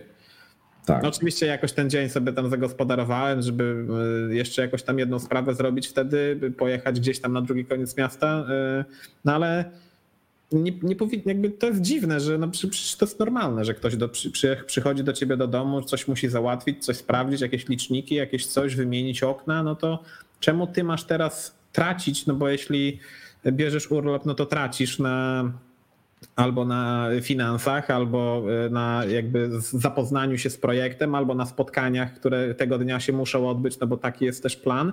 No i jakby tracisz na tym. Czemu masz tracić, skoro to jakby to nie jest coś, co jest, e, co nie jesteś wykonawcą w tej chwili, nie? Jesteś po prostu osobą, która nadzoruje, pilnuje, sprawdza, testuje, załatwia sprawę w urzędzie dziesięciominutową, a musisz tracić, a musisz poświęcać cały dzień. No to jest... Dokładnie. Dlatego super, I... że taka jest teraz możliwość coraz częściej. No dokładnie, a szczególnie jak mi przypomniałeś, podałeś ten przykład, że y, jeśli ktoś ma półtorej godziny do pracy i to jest, no to ja tak miałem, wiesz, i dojeżdżałem z jednego krańca Warszawy na drugi, przez najbardziej zakorkowane ulice w mieście, Kleszczowa Łopuszańska, kilka lat temu, to były jedne z najgorszych, zresztą Kleszczowa ulica nie na darmo się ta nazwa wzięła, y, wiesz, po prostu pieszo jak zmierzałem w kierunku biura, no to szybciej jakby przeskakiwałem przystanki niż autobusem, który jechał wtedy normalnie ulicą. Jechał, no, poruszał się do, do przodu co jakiś czas. I to było bardzo takie właśnie psychiczne obciążenie, że tracę czas, że, że jakby się nic nie dzieje przez ten, przez ten moment. Ja to no, wtedy nic nie zrobisz, bo to ani nie jesteś w swoim, no ja nie byłem w swoim samochodzie, więc nie mogłem słuchać audiobooka, no nic nie mogłem robić, tylko po prostu zmierzałem do pracy razem z, z ludźmi. Tak. Kupiłem tak, sobie tak. koniec końców rower i rowerem jeździłem szybciej niż, niż komunikacją miejską. I byłeś przy okazji fit. Teraz to się tak nazywa, wtedy po prostu miałem rower. Y, Mamy dwa komentarze, chociaż nie, kilka jest. Y, Tomasz, zawsze pracowałem z domu, mimo miło, że w końcu się okazało, że praca zdalna jest możliwa dla większości osób w branży. Szkoda, że musiało dojść, do, do, dojść aż do pandemii. No to jest przykre, że czasami musi się stać coś niedobrego, e, żeby wiesz, żeby nagle się okazało, że jakaś zmiana jest możliwa, nie? Tutaj wydaje mi się, że koronnym takim przykładem jest to, co się dzieje teraz e, z przychodniami i z urzędami. Nagle się w Polsce okazało, że możesz dużo rzeczy załatwić przez telefon. A kiedyś e, musiałeś przyleść na dziesiątą, ki, że o dziesiątej nikt nie chciał z tobą rozmawiać, bo było pięć innych osób, które też były na dziesiątą i po prostu, no, mówiąc brzydko, dwie godziny jak psu w dupę. No. A teraz Do- Dokładnie. nagle okazuje, że możesz zadzwonić, umówić się. Pani ci jeszcze mówi, że a tutaj mamy ważniejsze sprawy, to najpierw obsłużymy te ważniejsze sprawy, a tutaj te na przykład e, załatwimy w kolejnym tygodniu, to ja będę do pana dzwonić, dziękuję, do widzenia, prawda? I niestety, tak jak Tomasz pisze, musiało dojść do pandemii, by to się to jakby stało. To też y, ma wpływ ta, ta pandemia na to, że ludzie inaczej zaczynają, no, totalnie inaczej traktują osoby, które są w maseczkach na ulicy. Kiedyś, kiedy byłeś w maseczce na ulicy, to wszyscy tak patrzyli na ciebie. Wiesz, tutaj nie wiem jak w Szczecinie, ale w Warszawie często jest problem ze smogiem i, i ja kupiłem sobie jakiś czas temu taką maseczkę fajną, podob- taka e, ostra, taka sub-zero e, style I, i, i zakładałem ją, kiedy było, wiesz, przekroczone stężenie smogu e, obfite, obficie, no to jakby ludzie, wiesz, o, o wow, jaka maseczka. A dzisiaj, teraz jakby wszyscy ma, muszą te mieć maseczki, to stało się takie normalne już, że, że jest, jest koleś w maseczce Sub-Zero na przystanku czekający na tramwaj. Jakby to nie robi już wrażenia na ludziach. Nie? Ale no niestety szkoda. Szkoda, że musiało się właśnie coś złego pojawić. Mamy komentarz od Adama. Pewnie, że dobrze w domu. Oszczędności nie muszę robić owocowych poniedziałków i jak coś ci się stanie, to jesteś poza firmą, więc twoja wina. No na pewno tacy kapitaliści, jak to Adam tutaj ich określił, będą szczęśliwi, że po prostu mniejsze koszty, a robota jest zrobiona tak samo. E, Komentarz od y, Jur AFC. W sumie niedawno zacząłem pracę we frontendzie 100% zdalnie i po tych paru miesiącach, szczerze mówiąc, nie wyobrażam sobie teraz zasuwać do biura, zwłaszcza w tych biurowych godzinach. Oczywiście. Jak to, jak, wiadomo, każdy jest inny. Niektóry, niektórzy jakby wolą pracę taką w biurze, ale wydaje mi się, że dużo też zależy od charakteru Twojej pracy, prawda? Bo wydaje mi się, że każdy ma różne obowiązki, różne rzeczy robi i, i czasami faktycznie taka zdalna i asynchroniczna praca jest możliwa a czasami jakby jestem w stanie sobie wyobrazić, że, że potrzebujesz mieć taką kolaborację. Na przykład e, rozmawiałem ostatnio z moim przyjacielem, który jest e, szefem takich księgowych w takiej firmie. I on na przykład mówił, że jakby praca zdalna u nich nie do końca działa bo on po prostu mówi, że czasami jak jest jakiś gorący temat, to teraz jak każdy pracuje zdalnie, zanim on to wszystko ustali, co tam się stało za fuck up, to, to mija dużo więcej czasu niż po prostu jak w biurze wszystkich ma w tym samym czasie w budynku, w jednym budynku i mówi, że wtedy jest w stanie dużo szybciej niektóre rzeczy i sprawniej je załatwić, prawda? Więc też broń Boże nie chcę powiedzieć, że wszyscy mogą pracować zdalnie i zawsze jest to najlepsze rozwiązanie, ale często tak. To prawda, to prawda. No na pewno takie właśnie sytuacje, w których potrzebny jest E, potrzebne jest zebranie osób, żeby załatwić pewną rzecz szybko, no to, to takie spotkanie na pewno jest e, face to face e, prostsze w, w dotarciu do sedna sprawy i jakby praca zdalna jest super oczywiście, ale myślę, że naj, najlepszym rozwiązaniem byłoby, żeby ten jeden dzień w tygodniu pojawić się w biurze, żeby po pierwsze ta integracja z ludźmi ciągle jakaś tam była, po drugie, że tego dnia najlepiej, żeby ustawić wszystkie spotkania albo większość spotkań tego dnia, żeby właśnie te spotkania były efektywne takie podczas y, y, tego, że wszyscy są na miejscu, wszyscy jakby na siebie patrzą i, i tak dalej, nie ma żadnych problemów z internetem z połączeniem. I, i tak, i, i to jest super, bo to, to, to, też nie możemy zapomnieć, że, że człowiek to mm, ssak żyjący w stadzie, więc trzeba z ludźmi jakby ciągle, ciągle się spotykać. No ta praca zdalna jest super pod kątem efektywności, że, że nie tracimy czasu na dojazdy i mamy spokój w domu, no bo nikt y, nam jakby praca na open space ma ten taki zaszczytny taki plus, że słyszy się innych. No tutaj w domku niekoniecznie tak musi być, więc y, plus, ale tak. dalej powinniśmy z ludźmi rozmawiać. To prawda, to prawda, ale no, też wydaje mi się, że teraz nie możemy za bardzo niektórych firm i niektórych jakby sytuacji, że u kogoś praca zdalna nie wypaliła, oceniać. Bo przecież teraz wydaje mi się, że dużo było takich awaryjnych przypadków, że znaczy no, pewnie same awaryjne przypadki e, pracy zdalnej z domu przez pandemię. No i wiesz, no i teraz ktoś może powiedzieć, u nas to nie zdało egzaminu. Ale słuchaj, no minęło tam raptem dwa miesiące, a ktoś wcześniej pracował 10 lat w sposób niezdalny, tak? Czyli jakby on-site, tak? Nagle ludzie pracują e, zmuszeni przez pandemię zdalnie. Do tego przychodzi sytuacja, że na przykład znam osoby, co obie, e, jakby i facet, i mężczyzna pracują. E, I facet, i mężczyzna. Para, facet, para, tak? Para, para po prostu pracuje z domu i mają jeszcze małe dziecko bo przecież przedszkole i, i, i żłobki nie działają. No i teraz jak ci ludzie mają pracować efektywnie, tak? Jak oni mają pracować e, dobrze zdalnie, jeżeli pracują po raz pierwszy w życiu zdalnie i jeszcze w takiej ekstremalnej sytuacji. Jak, jak to może w ogóle zadziałać, tak? Do tego też bardzo dużo ludzi, wydaje mi się, że nawet nie było przygotowanych do tego sprzętowo, bo mieli po prostu zawsze internet wykupiony taki, żeby wiesz, na tablecie sobie wejść na Allegro, zamówić skarpety i tyle.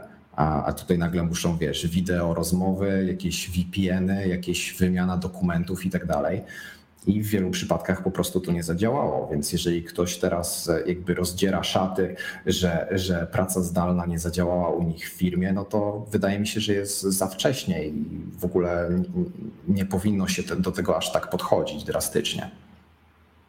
To prawda, to prawda, zgadzam się. E, to, to, to jak najbardziej przyzwyczajanie się, bo wieloletniej, wieloletniej pracy w biurze, teraz na pracę zdalną w 100%, to na pewno dla wielu ludzi to jest szok. Y, może się okazać też stresująca sytuacja, bo, bo jakby ma się problemy, no to nie ma kolegi, koleżanki obok, żeby pomogła y, tylko trzeba łączyć się gdzieś tam jakimś y, Skype'em, Zoomem, czymkolwiek.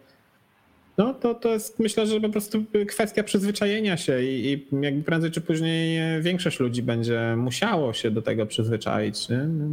Dla własnego bezpieczeństwa też. Dokładnie. Mamy tutaj taki komentarz od Secretmana, praca zdalna na stojąco i w piżamie to jest to. Mm, Artur, czy ty y, w piżamie jesteś dzisiaj?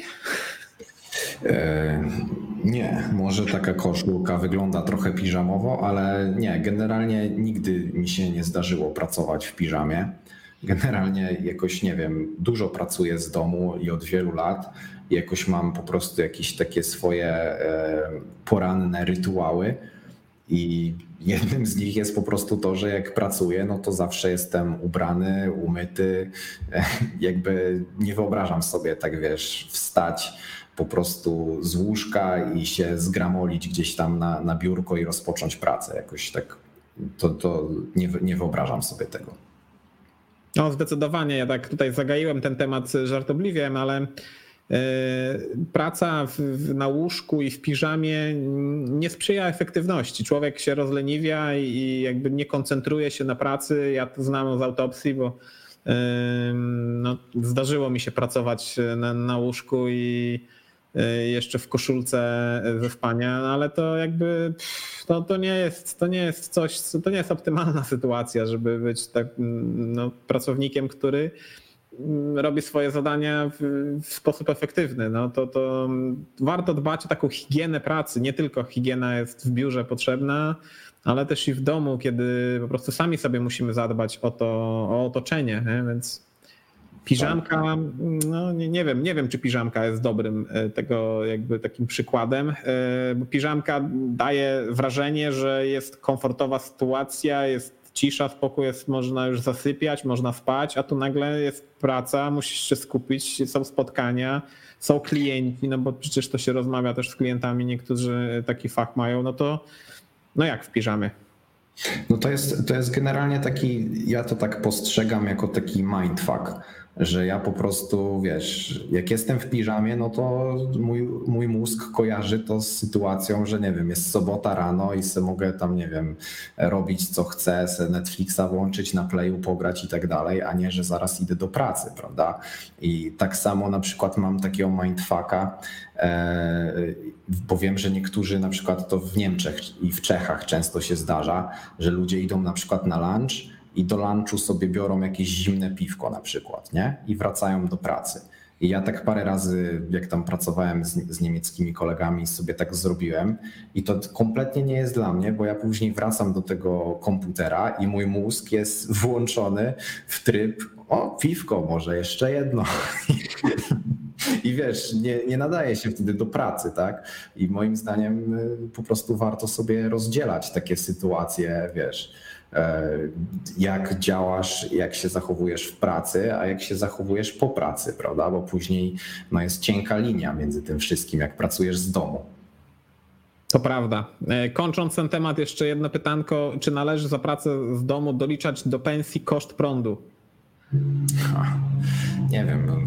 Ja jakoś pracuję z domu i nie zauważyłem jakoś mega dużych e, rachunków za prąd nie wiem, może trzeba oszczędzać po prostu jakieś, nie wiem, energooszczędność. na noc trzeba jakby wyłączać, nie?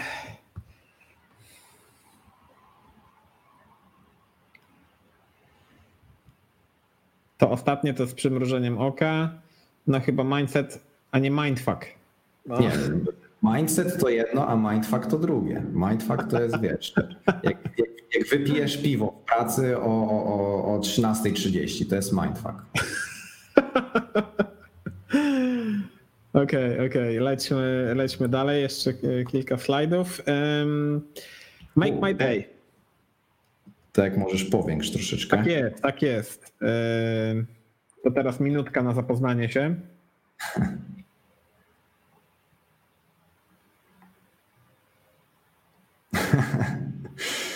Ogólnie ten obrazek, może Spróbujemy go zaraz opisać e, dla, dla ludzi, co nas słuchają, ale generalnie bardzo mocno zazębia się właśnie z tym, co mówiliśmy dzisiaj na początku, czyli te slajdy o Microsoftie, który poszedł w stronę open source, prawda? I teraz wydaje mi się, że gdyby taki e, kierownik czy prezes tam Microsoftu 30 e, lat temu ktoś by mu pokazał jakiś właśnie fragment z przyszłości, tak? Jak Microsoft pójdzie w open source i tak dalej, no to by nie dowierzał w to. I tutaj ten obrazek, myślę, bardzo dobrze i trafnie to, to, to obrazuje tę sytuację. Zdecydowanie, zdecydowanie. Mm, co na tym obrazku? Y, dwie, y, dwa, y, dwie daty są. Styczeń 2006 w którym jeden e, chłopak do, do, do, do doktora, no, jakiegoś profesora pyta się, Jak będzie wyglądała przyszłość? Czy wszyscy będą używali CSS3? I, I ten doktorek to jest prawdopodobnie inscenizacja Back to the Future filmu. Mhm. Mówi, że poczekaj, wykręcimy 2020 na maj, maj, 6 maja 2020. No i lecą do tego, lecą, lecą w, przesz- w przyszłość. No i jest, jest chmurka, w której jest komentarz, że znamy wszystkie, wszystkie problemy, nie, knowing, znam wszystkie problemy, jakie miałeś z IE6.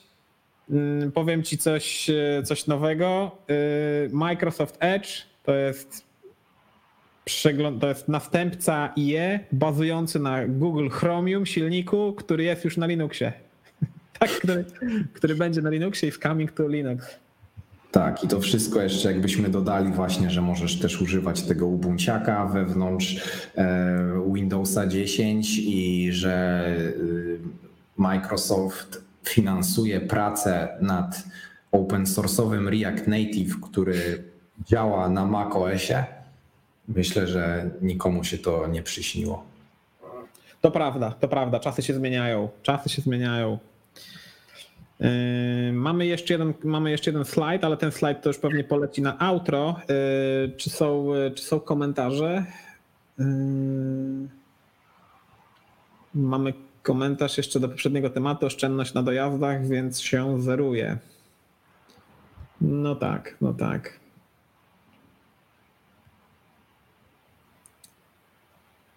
Czy widzisz, Artur, jakiś komentarz, który jeszcze nie, nie, nie wrzucaliśmy? To wszystko omówiliśmy. E, w międzyczasie, jak macie jakieś do nas pytania, to jesteśmy jeszcze chwileczkę tutaj na, na linii, więc możecie zadawać, e, odnosić się do tego, co powiedzieliśmy. A na kolejnym slajdzie może tylko przypomnimy, co się dzieje. E, generalnie Piotr wyszedł tutaj z taką inicjatywą, żebyśmy w web pogawędkach wspierali niezależnych twórców i promowali ich muzykę. I tutaj akurat chciałbym, ostatnio Piotr wrzucił e, fajną nutkę, e, a ja w tym tygodniu chciałbym zaproponować e, zespół właśnie ze Szczecina. Chłopaki robią taką muzykę, w zasadzie ciężko mi określić gatunek tej muzyki, ale jest to jakiś taki, nie wiem, może nowoczesny, taki rock, trochę z takimi brzmieniami dyskotekowymi. Więc Zachęcam, zachęcam do zapoznania się z, z, tym, z tym utworem. E, chłopaki pracują nad materiałem, nie mają jeszcze wydanej oficjalnie płytki, ale myślę, że już są e, całkiem blisko.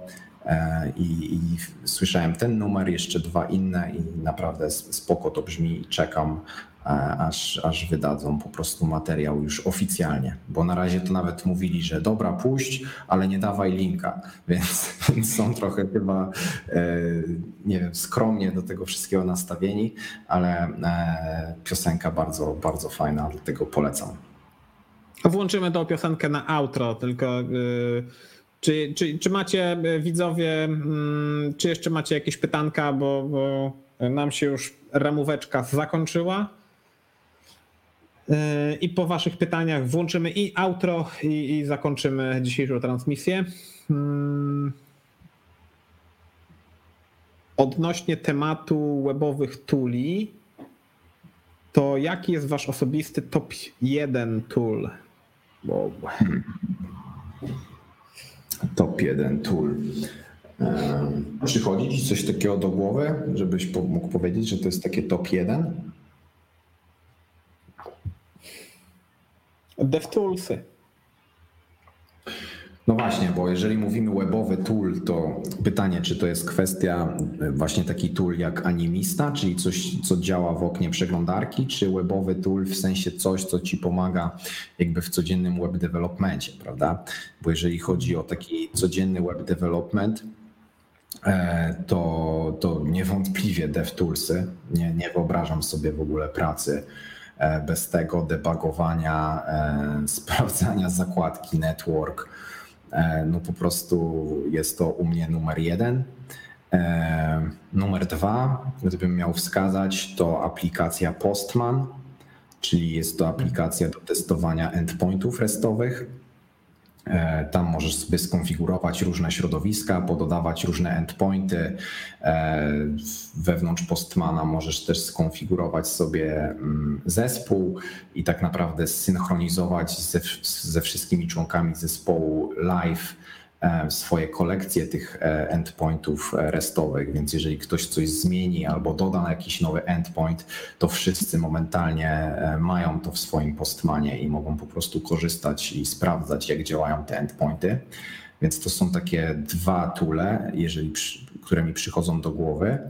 I trzeci, no to myślę, że wszelkiego rodzaju narzędzia, które sprawdzają wydajność Twojej strony czyli po prostu e, jest parę takich narzędzi w sieci, jak tam wpiszesz, nie wiem, online performance tool, coś takiego, to po prostu dajesz tam adres swojej strony i na przykład takie narzędzie analizuje Twoją stronę i ci zwraca na przykład rzeczy typu masz źle ustawione nagłówki e, do cache'owania statycznych plików, masz tam, nie wiem, za duży bundle JS-a, e, masz coś tam nie tak i takie narzędzia wydaje mi się, że są bardzo fajne, bo nie wymagają od ciebie dużo jakichś konfiguracji i tak dalej. To jest po prostu szybki check, wrzucasz link, dajesz verify i po chwili masz e, audyt, co tam poszło nie tak.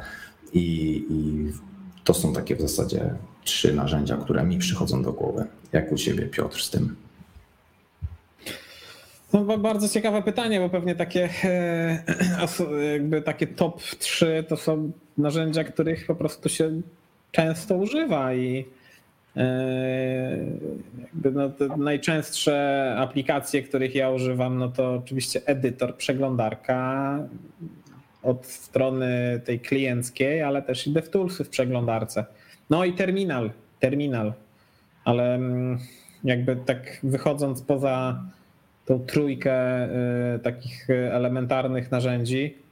Y, nie wiem, czy można to jakby skategoryzować, jakby zagregować wszystkie takie narzędzia dotyczące testów, czyli test frameworki, assertion libraries, functions i tak dalej.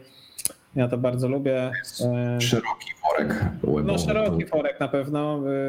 No, dlatego pewnie lepiej, lepiej jest powiedzieć odnośnie tak, takiego całego worka niż e, rozbijać się o detale. E, no nie wiem, trudno, trudno powiedzieć, jakie by było kolejne, czy, czy Linter, czy ostatnio e, Prettier, z którym się no, zaprzyjaźniłem, zaprzyjaźniłem się. E, Prettier, Husky i Lint Stage, ta trójka jest po prostu u mnie, e, już kiedyś pokazywałem na, na webowych pogawędkach. E, w każdym teraz projekcie, jak setupuję, to od razu setupuję te trzy rzeczy i, i przestaję się zastanawiać nad, nad formatowaniem i, i, i dopieszczaniem kodu, co i tak nie ma znaczenia, po co to robić, więc to robią, robią za, za, mnie narzędzia, więc no tak, tak to u mnie wygląda. Nie wiem, może coś mi jeszcze kiedyś przyjdzie do głowy, to powiem. Mamy kolejne pytanko. Mm, jutro mam od, od Marlucza. Jutro mam rozmowę rekrutacyjną na juniora. React. Jakieś rady dla świeżaka w kwestii rekrutacji? Och, temat rzeka. Hmm. Ciężko tak dać jakąś konkretną radę. Może wiadomo, to jest taka dziwna rada, żeby się nie stresować, tak? Bo jakby łatwo jest powiedzieć komuś, no nie stresuj się, pójdź i się nie stresuj, prawda? E, generalnie dużą wagę bym przyłożył do właśnie jakby takiego skrupulatnego przygotowania się przed samą rozmową, czyli właśnie ja bym na przykład wstał dużo wcześniej rano, przeszedłbym się na jakiś spacer, poćwiczyłbym sobie, e, zjadłbym jakieś dobre śniadanie, wypił jakąś taką fajną kawkę i starałbym się przyjść po prostu z takim pozytywnym e, mindsetem, nie jakiś tam spóźniony, nie jakiś tam, wiesz, spocony, zestresowany i tak dalej. Podszedłbym po prostu do tego w ten sposób nie stresowałbym się na zasadzie, że po prostu no, jakby rynek juniorski jest ciężki i nawet jeżeli cię nie wezmą, to nie znaczy, że cię nie wzięli, bo jesteś do dupy i tak dalej, tylko po prostu tak wygląda ta gra i jakby nie ma co się stresować odrzuceniem i, i tak dalej, tylko trzeba po prostu robić swoje, uczyć się, e, być lepszym każdego tygodnia, a i w końcu na pewno się znajdzie tą wymarzoną pracę, więc po prostu podejść do tego na takim luzie, starać się z tej rozmowy wyciągnąć jak najwięcej dla siebie, nie być jak taki przestraszony, po prostu taka przestraszona mysz pod miotłą, tylko po prostu zadawać pytania. E, jak cię nie przyjmą, to się po prostu puszować ich, żeby ci powiedzieli, dlaczego cię nie przyjęli, albo dlaczego im się nie podobała ta rozmowa, jakie błędy popełniłeś, co możesz popracować nad czym, żeby następnym razem ci poszło lepiej. Czyli po prostu podejść do tego w ten sposób, że to jest jakby twoja, twój czas dla ciebie i możesz go po prostu wykorzystać, nawet jeżeli się nie uda, to jak najwięcej po prostu wycisnąć z tego spotkania. Zdecydowanie. Ja, ja zawsze na takie pytania, y, czy w kontekście pytań, y, co jest najważniejsze na rozmowie rekrutacyjnej, to zawsze odpowiadam uśmiech. Hmm. Trzeba, trzeba, warto się uśmiechać po prostu, bo, bo tak każdy popełnia błędy i, i, osoba pytająca popełnia błędy. Czasami może mieć zło, albo źle zadać pytanie, albo złą odpowiedź sobie zapisać, albo oczywiście kandydat też może popełnić błąd. Jakby błędy są zawsze i błędy będą od początku do, do końca z nami obok w branży, bo no, gdyby nie było błędów, to świat byłby idealny, a przecież nie jest. Więc y, uśmiech to jest oznaka jakby serdeczności, otwartości i, i że faktycznie jest się osobą, która e, no, nie, nie ma dużego doświadczenia, no bo skoro jest stanowisko juniorskie, no to domyślam się, że to z doświadczeniem e, jest jeszcze dużo do, do, do zrobienia, ale no ważne, że chcesz się uczyć, ważne, że jesteś tutaj na tej rozmowie, ważne, że podjąłeś tą próbę, że jesteś w sytuacji która jest stresującą sytuacją, ale chcesz tu być. Chcesz tu być i, i chcesz się pokazać z tej najlepszej strony. Więc uśmiech. Mamy kolejne komentarze. Yy...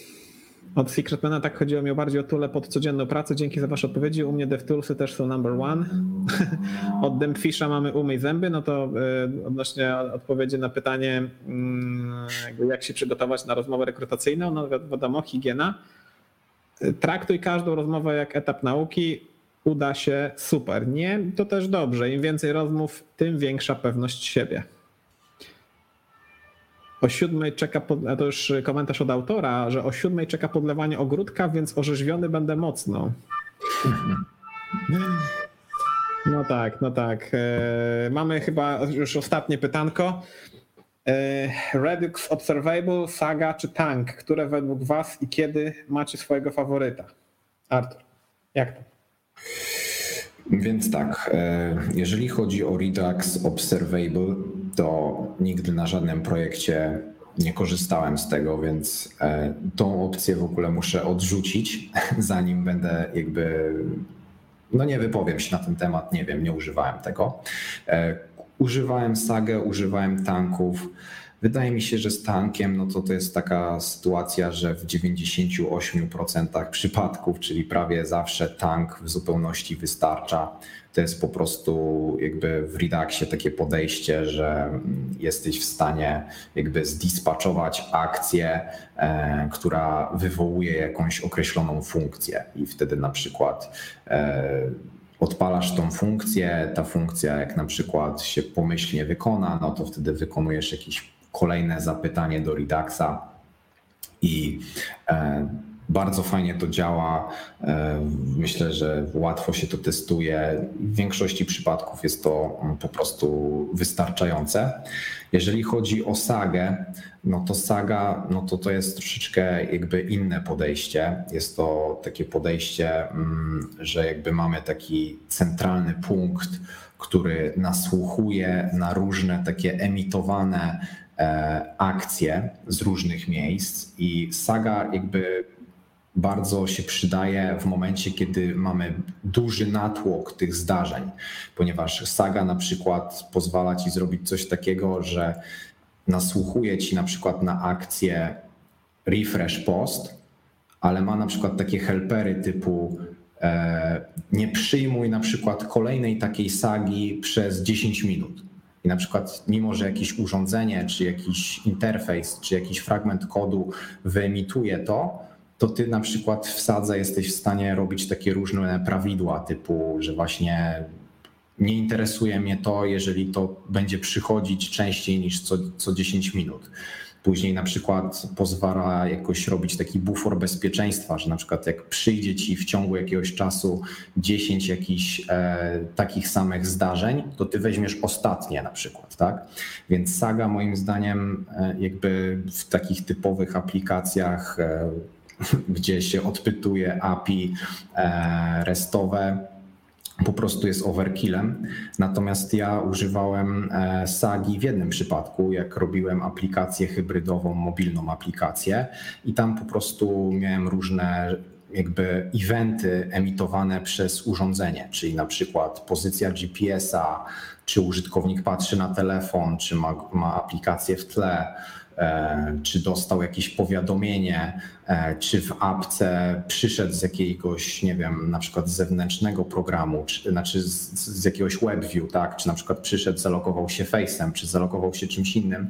I wtedy ta saga u nas bardzo fajnie się sprawdzała, bo nie zawsze mieliśmy w pełni kontrolę nad tym, co emituje e, daną akcję i właśnie wtedy się dużo tych bajerków z sagi przydawało.